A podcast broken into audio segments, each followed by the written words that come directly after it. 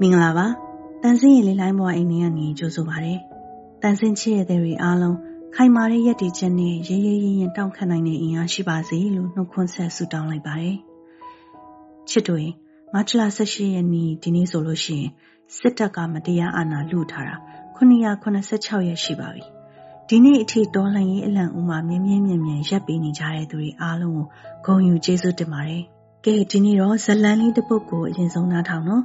1944ခုနှစ် ဆိုဗီယက်ယူနီယံခေတ်က မော်စကိုမှာ ညနက်တကောင် အိမ်တကားခောက်တန်းနဲ့အတူ ရောက်လာတဲ့ KGB စစ်ယူနီဖောင်းဝတ် လူတွေဖမ်းတာကို ခံလိုက်ရတဲ့ အသက်22နှစ်အရွယ် လူငယ်လေးတစ်ယောက်အကြောင်းပေါ့ Victor လို့ခေါ်တဲ့ ဒီလူငယ်လေးဟာ ဆိုဗီယက်ခေတ်မှာ ကြီးပြင်းလာတာဆိုတော့ မျက်စိရှေ့မှာ အရာအလုံး ပုံမှန်ဖြစ်နေတယ်လို့ မြင်နေရတဲ့ လောကကြီးရဲ့ နောက်ွယ်မှာ အပြိုင်ကဘာတစ်ခု ရှိတယ်ဆိုတာကို သူသိနေတယ်။သူသိနေတဲ့ အဲ့ဒီ အပြိုင်ကဘာဆိုတာ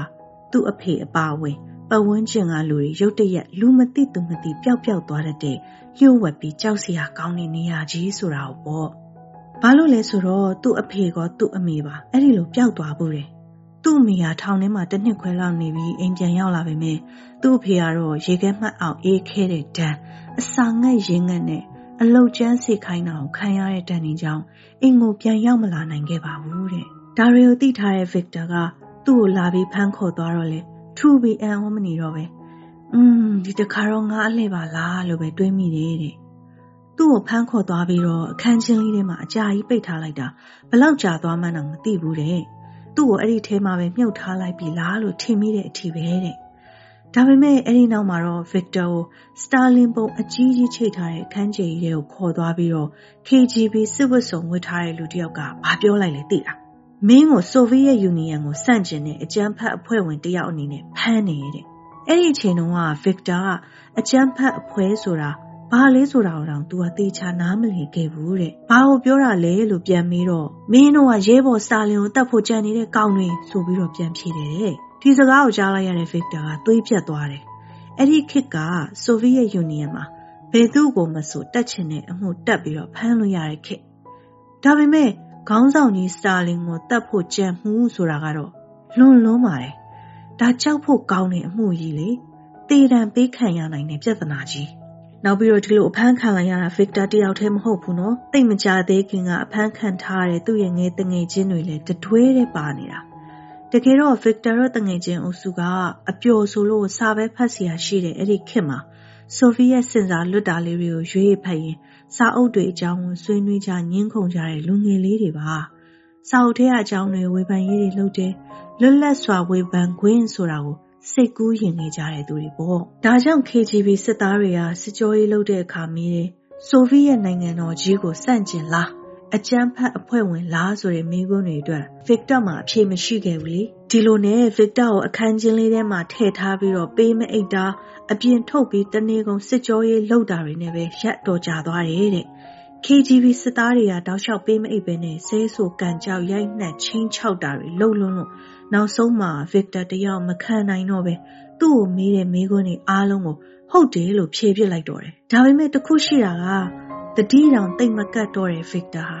စတာလင်ကိုတတ်ဖို့လုပ်တယ်ဆိုတဲ့အချက်ကိုတော့လုံးဝဝန်မခံမနဲ့တင်းခံထားနိုင်ခဲ့တယ်။နောက်ဆုံးမှာတော့မိနစ်ပိုင်းလောက်ပဲကြာတဲ့စစ်ခုံရုံးကနေ Victor ကိုဆိုဗီယက်ကိုစန့်ကျင်တဲ့အကြမ်းဖက်အဖွဲ့ဝင်ဆိုတဲ့ပြစ်မှုကြီးတက်ပြီးတော့အလုတ်ကျန်းတဲ့ထောင်ဒဏ်9နှစ်ချပစ်လိုက်တယ်။ထောင်ထဲမှာအသက်မသေးခဲ့တဲ့ Victor ထောင်ကထွက်လာလာခြင်းပဲရာသီဥတုအရန်ဆိုတဲ့ Siberia ကိုတက်တက်တာနဲနှင်တန်ပေးတာကိုခံလိုက်ရတယ်။ ဒါပေမဲ့ကံကောင်းထောက်မှတော့ Siberia ရောက်ပြီးတော့၄နှစ်အကြာမှာစတာလင်သေသွားရောဗစ်တာတယောက်လည်းအဲဒီကြမှာပဲမြို့တော်မော်စကိုပြန်ခွင့်ရခဲ့တယ်။ဆိုဗီယက်ခေတ်ရဲ့တင်းကျပ်တဲ့စီးမြင့်တွေဘဝထူထောင်ခဲ့တဲ့ဗစ်တာဟာအသက်59မှာတော့အမေရိကကိုရွှေ့ပြောင်းနေထိုင်ခွင့်ရသွားတယ်။အဲဒီအသက်အရွယ်မှာနိုင်ငံသက်မှာဘဝသစ္စာလို့မကောင်းပေမဲ့ဗစ်တာကသူ့ရဲ့စိတ်ကိုရောကိုယ်ကိုပါဒဏ်ရာတွေပေးခဲ့တဲ့ဆိုဗီယက်နဲ့ဝေးရာကိုသွားချင်နေခဲ့တဲ့ပုံပါပဲ။ နောက်နှစ်တွေအများကြီးကြာပြီးရုရှားမှာဆိုဗီယက်ခေတ်ကလျှို့ဝှက်မှတ်တမ်းတွေတက်တန်းကုန်သွားလို့ဖွင့်ချတဲ့အခါကျမှပဲဗစ်တာဟာသူ့ဘာကြောင့်ဖမ်းခံခဲ့ရလဲဆိုတာကိုသိရတော့တယ်တဲ့တကယ်တော့ဗစ်တာတို့စာအုပ်တွေအကြောင်းကိုဆွေးနွေးကြတဲ့အိမ်မှာအတန်ခိုးနားထောင်နေဆက်တက်ခံထားရတာလေဆိုဗီယက်စစ်သားတွေကစာအုပ်ထဲကအကြောင်းတွေကိုဆွေးနွေးနေတဲ့လူငယ်လေးတွေရဲ့အတန်ဖိုင်နဲ့စတာလင်ကိုလောက်ကျန်တဲ့အဖွဲ့ကြီးရှိတယ်ဆိုပြီးလှုပ်ဆက်တွေဆင်ခဲ့ကြလို့ဗစ်တာတို့တွေအဖမ်းခံခဲ့ရတာ ဘာလို့အဲ့လိုလုပ်လဲသိလား KGB ရဲ့အရေးပါပုံတွေနောက်ပြီးတော့ KGB ဟာနိုင်ငံတိုင်းမှာနားရှိတယ်ဆိုပြီးတော့ပြည်သူတွေကိုဂျင်းထဲ့ခြင်းလို့တဲ့စတာလင်နဲ့ KGB ကလူတွေအေးအေးအိမ်နိုင်မှုအတွက်ဗစ်တာလိုလူငယ်လေး73ယောက်ကအဖမ်းခံခဲ့ရတာအဲ့ဒီထဲက9ယောက်ကစတာလင်ကိုတတ်ဖို့ကြံတယ်လို့ဝန်ခံလိုက်မိကြတယ်တဲ့ကျန်တဲ့သူတွေကအလုတ်ကျန်းတဲ့ထောင်ဒဏ်တွေချခံလိုက်ရပြီးတော့အဲ့ဒီတဲက3ယောက်ကတော့အိမ်မပြန်နိုင်ခဲ့ကြပါဘူး ချစ်တို့အခုဆိုရင်ဗစ်တာဟာအသက်60ကျော်နေပါပြီသူဟာဆိုဗီယက်နဲ့ဝေးရမှာလွတ်လပ်မှုကိုနှစ်30လောက်လက်တွေ့ခံစားခွင့်ရလိုက်ပေမဲ့မော်စကိုမှာလွတ်လပ်မှုအကြောင်းကိုဈေးကြီးကြီးပေးပြီးစိတ်ကူးယဉ်ခဲ့ကြတဲ့သူ့တငယ်ချင်းတွေကတော့သူ့လောက်ကံမကောင်းခဲ့ကြဘူးနော်ဒီတော့ဗစ်တာကတည်သွားတဲ့သူ့တငယ်ချင်းတွေကိုတတိယမိတိုင်းဆိုဗီယက်မှာရှိတုန်းကမတရားမှုတွေကိုဖြစ်နေကြကိစ္စရဲ့တွေလို့ပဲလက်ခံမိခဲ့တဲ့အချိန်တွေအတွက် နောင်တတွေရနေမှာပဲနော်သူတကိုယ်ရဲ့လွတ်လပ်ရာကိုရောက်ခဲ့လို့အာနာစိတ်တွေဖြစ်နေမှာပဲလို့တန်စင်ထင်တယ်ချစ်တို့ရောဘလို့ထင်လဲကဲချစ်တို့ရင်အခုဆက်ပြီးတော့88နောက်ပိုင်းအာနာရှင်လက်အောက်မှာဖြတ်တန်းခဲ့တဲ့ဘဝကိုပြန်ပြောင်းတွေးမိတဲ့တက်လက်ပိုင်းအမျိုးသားတယောက်ရဲ့ရင်ထဲကစကားအတန်ကိုဖတ်ကြည့်ရအောင်နော်လူဆိုတာနိုင်ငံရေးလှုပ်တဲ့တတော်ဆိုပြီးအနောက်တိုင်းပညာရှင်တယောက်ကမိန့်ကြားဘူးသလိုလူထုကောင်းဆောင်ဒေါအောင်ဆန်းစုကြည်ကလည်း ဘယ်ပြည်သူကမှနိုင်ငံရေးနဲ့ကင်းအောင်နေလို့မရပါဘူးလို့ဆိုဘူးပါတယ်ဒီအဆိုမိန့်တွေကိုငငယ်ကလေးကဖတ်ဖို့ကြားဖို့နေပြီမြင်အာယုံမထားခဲ့ပါဘူးကိုဘဝနဲ့ကိုဝါသနာကိုအလုံးနဲ့လုံးလေချလေလိုက်နေခဲ့ပါတယ်အရင်က1988ခုနှစ်အာနာသိန်းတုန်းကဒေါသတွေထွက်မခံခြင်းစိတ်တွေဖြစ်ခဲ့ပါတယ်ဒါပေမဲ့အသက်ငယ်သေးတော့အဲ့ဒီစိတ်ခံစားချက် emotion တွေဟာကာလကြာတာနဲ့အမျှပျောက်သွားသလိုနိုင်ငံအရေးထက် ကိုဘဝမိသားစုအရေးကရှေ့တန်းရောက်သွားပါတယ်နိုင်ငံရေးဆိုတာနိုင်ငံရေးသမားတွေအလုပ်ပဲဆိုပြီးခံယူခဲ့ပါတယ်။လူအများစုကြီးကလည်းကို့လိုပဲတကိုယ်ကောင်းဆန်ခဲ့ကြတယ်။နိုင်ငံရေးခံယူချက်ဆိုတာမရှိခဲ့သလိုမဲပေးယုံတဲ့လူမှုဘဝကြီးတစ်ခုလုံးပြောင်းသွားမယ်လို့ထင်ခဲ့ပါတယ်။ဒါပေမဲ့နိုင်ငံအရေးကကိုယ့်ရဲ့ပုဂ္ဂလိကဘဝတွေရောက်နေတာကိုသတိမထားမိခဲ့ပါဘူး။ ရုံးလုပ်ငန်းတွေမှာကြံ့ကြာပြီးနေရာတကာမှာလက်ထိုးမှအဆင်ပြေတာတွေသွားရေးလာရေးမှာအခက်အခဲကြုံရတာတွေမီးပြက်လို့ကုန်စည်နှုန်းတက်လို့စိတ်ညစ်ခဲ့ရတာတွေဟာ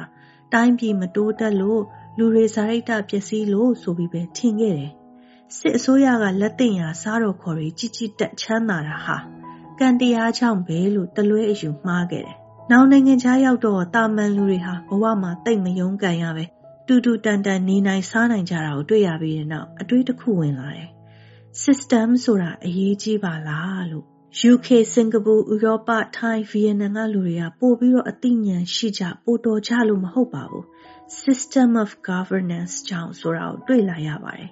2012ကနေ2020အထိနိုင်ငံရောလူတွေပါတိုးတက်လာတာမြင်ရတော့နိုင်ငံတကာမှာလိုပဲ democracy ဒါမှမဟုတ် partially democratic society ဟာအရေးကြီးပါလားဆိုတာကိုစဉ်းစားမိတယ်နိုင်ငံသားတွေရဲ့နောင်ရေးကစိတ်ချရပြီလို့တွက်လိုက်မိတယ်2021ခုနှစ်အာနာသိမ့်ခံရတော့ဒီအိမ်မက်ကြီးပြိုလဲသွားပါတော့တယ်။မြမပြည်မှာဖြစ်နေတာက system ကြီးတစ်ခုလုံးကိုစစ်ဘက်ကလူတစုကလက်နက်နဲ့ချင်းချောက်အနိုင်ကျင့်လဝကြီးအုပ်လူယူထားတာပါ။ဒါတွေကိုသိလိုက်တော့မိမိကိုယ်တိုင်ကိုကနိုင်ငံရေးတ attva political animal ဖြစ်သွားတယ်။ အရင်ကတက္ကသိုလ်ကျောင်းသားကုမ္ပဏီဝန်ထမ်းလေးကပြည်သူ့ကာကွယ်ရေးတပ်ဖွဲ့ဝင်ဖြစ်သွားတယ်။အိမ်ရှင်မကထောက်ပို့ဖြစ်သွားသလိုဆရာဝန်တွေဟာလည်းနိုင်ငံရေးမှာပါဝင်လှုပ်ရှားကြပါတော့တယ်။အခုတော့အထက်ကဆိုခဲ့သလိုဘယ်ပြည်သူကမှနိုင်ငံရေးနဲ့ကင်းအောင်နေလို့မရတော့ပါဘူး။ကိုယ့်ရဲ့တက်သည့်ပညာနဲ့ professional ဆန်းဆန်းအလုပ်လုပ်ခဲ့ပေမဲ့လုပ်ငန်းပြတ်တော့ငပိငချောက်ရောင်းနေရတဲ့သူဟာလည်းနိုင်ငံရေးနဲ့ကင်းအောင်နေလို့မရပါဘူး။ကုံစင်းနှုံးကကြီး မီးကမလာလို့အိမ်ထဲမှာထိုင်စိတ်ညစ်နေတဲ့အိမ်ရှင်မလည်းမကင်းပါဘူး။ရွာမီးလောင်လို့ပြေးနေရတဲ့သူတွေကလည်းနိုင်ငံရေးနဲ့မကင်းနိုင်သလိုနိုင်ငံရဲ့ချားမှာအလုပ်လုပ်ပညာသင်နေတဲ့သူတွေဟာလည်းတတ်နိုင်သမျှကိုညီထောက်ပံ့နေကြပါတယ်။နိုင်ငံရေးကိုနိုင်ငံရေးသမားကပဲစစ်ဘိုလ်ကပဲကြိုက်တယ်လို့ပုံသွင်းချက်လဲပိုင်ခွင့်ရှိတယ်ဆိုတဲ့ခေတ်ကုန်သွားပါပြီ။အချို့အချို့သောဝါရင်နိုင်ငံရေးသမားကြီးတွေရဲ့နိုင်ငံအပေါ်ထားရှိတဲ့သဘောထားဟာ စစ်ပြေးနေရတဲ့ကလေးငယ်တယောက်ရဲ့အတွေးခေါ်လောက်တောင်မရင်ကျက်ပါလားဆိုတာကိုတွေ့ရတော့အလွန်အံ့ဩမိပါတယ်အကယ်၍သင်ဟာနိုင်ငံရေးနဲ့လုံးဝမပတ်သက်ပါဘူးကိုထမင်းကိုစားနေတာခေါင်းထဲဘာမှထည့်မထားဘူးဘာမှမသိဘူးဆိုရင်တော့ real animal လို့ပဲသတ်မှတ်ရပါတော့မယ်ချစ်တို့ပြီးခဲ့တဲ့မေလ23ရက်နေ့ကိုဖုံးမော်နေလို့ခေါ်တာသိကြမယ်ထင်ပါတယ်စစ်အာဏာရှင်နေဝင်ရဲ့လက်အောက်ကလုံဒိန်းတွေတနက်ကြီးစံအစ်စ်နဲ့ပြစ်တက်လို့ ကိုဖုံးမော်နဲ့ကိုစိုးနိုင်တို့1988ခုနှစ်တုန်းကကြာဆုံးခဲ့ရတာအခုဆိုရင်35နှစ်ရှိခဲ့ပါပြီမြမနိုင်ငံရေးတမိုင်းတစ်စစ်ချိုးပြောင်းခဲ့တာလေ35နှစ်ရှိပြီလို့ပြောနိုင်ပါတယ်ဘာလို့လဲဆိုတော့ကိုဖုံးမော်တို့ကြာဆုံးခဲ့တဲ့အဖြစ်အပျက်ကနေစပြီးစစ်အာဏာရှင်စနစ်လက်အောက်မှာမြန်မာပြည်သူတွေဖိနှိပ်ခံနေရတယ်ဆိုတာကိုနိုင်ငံတကာကမျက်ဝါးထင်ထင်မြင်ပြီးသိချသိသွားတယ်လေ။ နောက်ပြီးတော့အဲ့လိုစစ်အာဏာရှင်တွေကចောင်းသားတွေကိုဒီလိုအကြမ်းဖက်ဖြစ်တက်လိုက်တာကမြန်မာပြည်သူတွေရဲ့နိုင်ငံရေးစိတ်ဓာတ်ကိုမောင်းတင်ပေးလိုက်တယ်လို့ဖြစ်သွားပြီးတော့ရှစ်လေးလုံးဒီမိုကရေစီရေးတော်ပုံကြီးပေါ်လာတဲ့အထိအင်အားကြီးသွားလို့ပေါ့။ကိုဖုံးမော်တို့လိုခေတ်အဆက်ဆက်မှာတိုင်းပြည်ကိုအာဏာရှင်လက်ကနေလွတ်မြောက်ဖို့အသက်ကိုပါစတေးပြီးတာဝန်ကျေခဲ့ကြတဲ့ဒီမိုကရေစီသူရဲကောင်းတွေအများကြီးရှိနေပါတယ်။ချစ်တို့ရင်ကိုဖုံးမော်တို့ကြာဆုံးခဲ့တော့ငါလေမန်းနဲ့မထိုးရလူမစုရစမိန်တို့မထဲ့ရ ရေအိုးမခွဲရမနှက်စောစောလူမသိအောင်ချခဲ့ရတဲ့အာတုဘဖုံမော်ရေးအမြအမြအမြဆိုတဲ့ကြပြတပုတ်ရှိခဲ့ပါတယ်အခုစကစကအာနာလူတဲ့ခင်မှာတော့အာတုဘချဖို့အလောင်းတောင်ပြန်မရတဲ့မိသားစုတွေအမြဝေဖို့ဖျားစင်နဲ့ဘုံကြီးကြောင်းတောင်မရှိတော့တဲ့ဘဝတွေကိုပြည်သူတွေနေတိုင်းရင်ဆိုင်ခံစားနေရတယ်စစ်အာဏာလုတာနှစ်နှစ်ပြည့်ပြီးတော့2023ခုနှစ်ဖေဖော်ဝါရီလ2ရက်နေ့မှာ စကိုင်းမကွေးပဲခူးတနင်္သာရီမွန်ကရင်ကယားနဲ့ချင်းကမြို့နယ်ပေါင်း38ခုကိုစစ်ကောင်စီကစစ်အုပ်ချုပ်ရေးထပ်ကျင်ညာခဲ့တယ်။အဲဒီလိုလဲပြီးရောရွာလုံးကျွတ်မီးတင်ရှို့တာအစုလိုက်အပြုံလိုက်တက်ခံရတာတွေပို့ပြီးတော့တိုးလာတော့တာပဲ။ RFA ကစစ်ဆေးထားတဲ့အတိုင်းဆိုရင်ဖေဖော်ဝါရီလ17ရက်နေ့ကနေမတ်လ17ရက်နေ့အထိတလထဲမှာတင်ဒေသခံ9ဦးအထက်တပ်ဖြတ်ခံရတဲ့ကိစ္စပေါင်းက8ခုစုစုပေါင်းလူ84ယောက် အစုလိုက်အပြုံလိုက်အသက်ခံလိုက်ရတယ်။ပြန်စရာအိမ်မရှိပြေးစရာမြေမရှိလို့တင်ကြိုင်နာမိုးကခင်းမိနေနေရတယ်။ဒါပေမဲ့ရတာနဲ့စကစကိုပြန်ချမှာလို့ပြောတဲ့စကိုင်းကအမကြီးရဲ့စကားသံကိုအင်တာဗျူးတစ်ခုမှကြားလိုက်ရတော့လေ။တန်စင်တလို့တွေးမိနေသေးလား။တန်စင်တို့ကကို့နေရာမှာလူးသာလှိမ့်သာရှိနေသေးလို့နေသားသလိုကပ်ပြီးနေနေရင်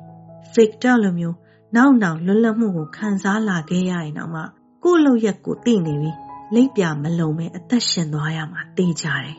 ချစ်တို့ရေနောက်ဆုံးအနေနဲ့တန်စင် Facebook မှာဖတ်လိုက်ရတဲ့အညာဟာမနာလို့မဖြစ်ခဲ့ပါဘူးဆိုတဲ့ကြပြလေးကိုရွတ်ပြမယ်နော်သူများပြန်တင်ထားတာကိုဖတ်လိုက်ရတာဆိုတော့ငကိုရေးတဲ့သူကဘာတူလဲဆိုတာမသိလို့ဒီကနေပဲဖတ်ခွင့်ပြုပါလို့ခွင့်တောင်းလိုက်ပါတယ်ရှင်။အညာဟာမနာလို့မဖြစ်ခဲ့ပါဘူး။ ညီယောက်ျားကိုယုံစင်းချိန်ရောက်ရင်ညီးမျောတယ်လို့တောင်ယာကပြန်လာမဲ့အချိန်ရောက်တိုင်းငါယောက်ျားကိုမျောမိသားအေးညီတို့တိုက်ကြီးမှလို့အေးစိတ်နေတဲ့အဲအကွန်မရှိပေမဲ့လေတဖြူးဖြူးနဲ့အေးနေတဲ့ငါတဲအိမ်လေးကိုတော့နှမျောချက်ညီသားလေးကိုဆရာဝန်ဖြစ်စေခြင်းနဲ့ဟုတ်ဟေးငါသားလေးကိုလေရွာဆရာလေးလိုဖြစ်အောင်ကြောင်းတက်စေခြင်းမီအေး ညီတို့လိုအထူးကုစေကန်းကြီးတွေဟာစပယ်ရှယ်လစ်ဆရာဝန်ကြီးတွေစီတွားမပြနိုင်ပေမဲ့နေထိုင်မကောင်းဖြစ်ချိန်ဆိုရွာကဆီယာမာလေးပေးတဲ့စီးပြားလေးတွေကိုတော့လူချင်းပါအေးရန်သူမျိုး၅ပါးနဲ့ကကြီးသုံးပါးကတို့စီမှာပဲရှိပြီးညီတို့ကြတော့လမ်းတွေတလားလိုက်ကမ်းခြေသွားလိုက်ကျိတ်လုတ်ကဲမိုက်ကိမ့်မုံခွဲလိုက်နဲ့တာတာရရပါလား အေးအေးပါလီညီတို့ကုသိုလ်ကံနေများအားကြပါတိတ်မဝေးတော့တဲ့အချိန်တစ်ခုမှာဓမ္မပတ္တာငါတို့သူငါတို့သားတွေရဲ့တရားသောစစ်အနိုင်ရတဲ့အခါလူမဆန်တဲ့မိစ္ဆာခွေးတွေပြေးကြလို့အောင်ပွဲခံကြတဲ့အခါညီတော့ပဲဝဲချီကျင်းပါကြအောင်မမြင်အောင်ပါသေးရဲ့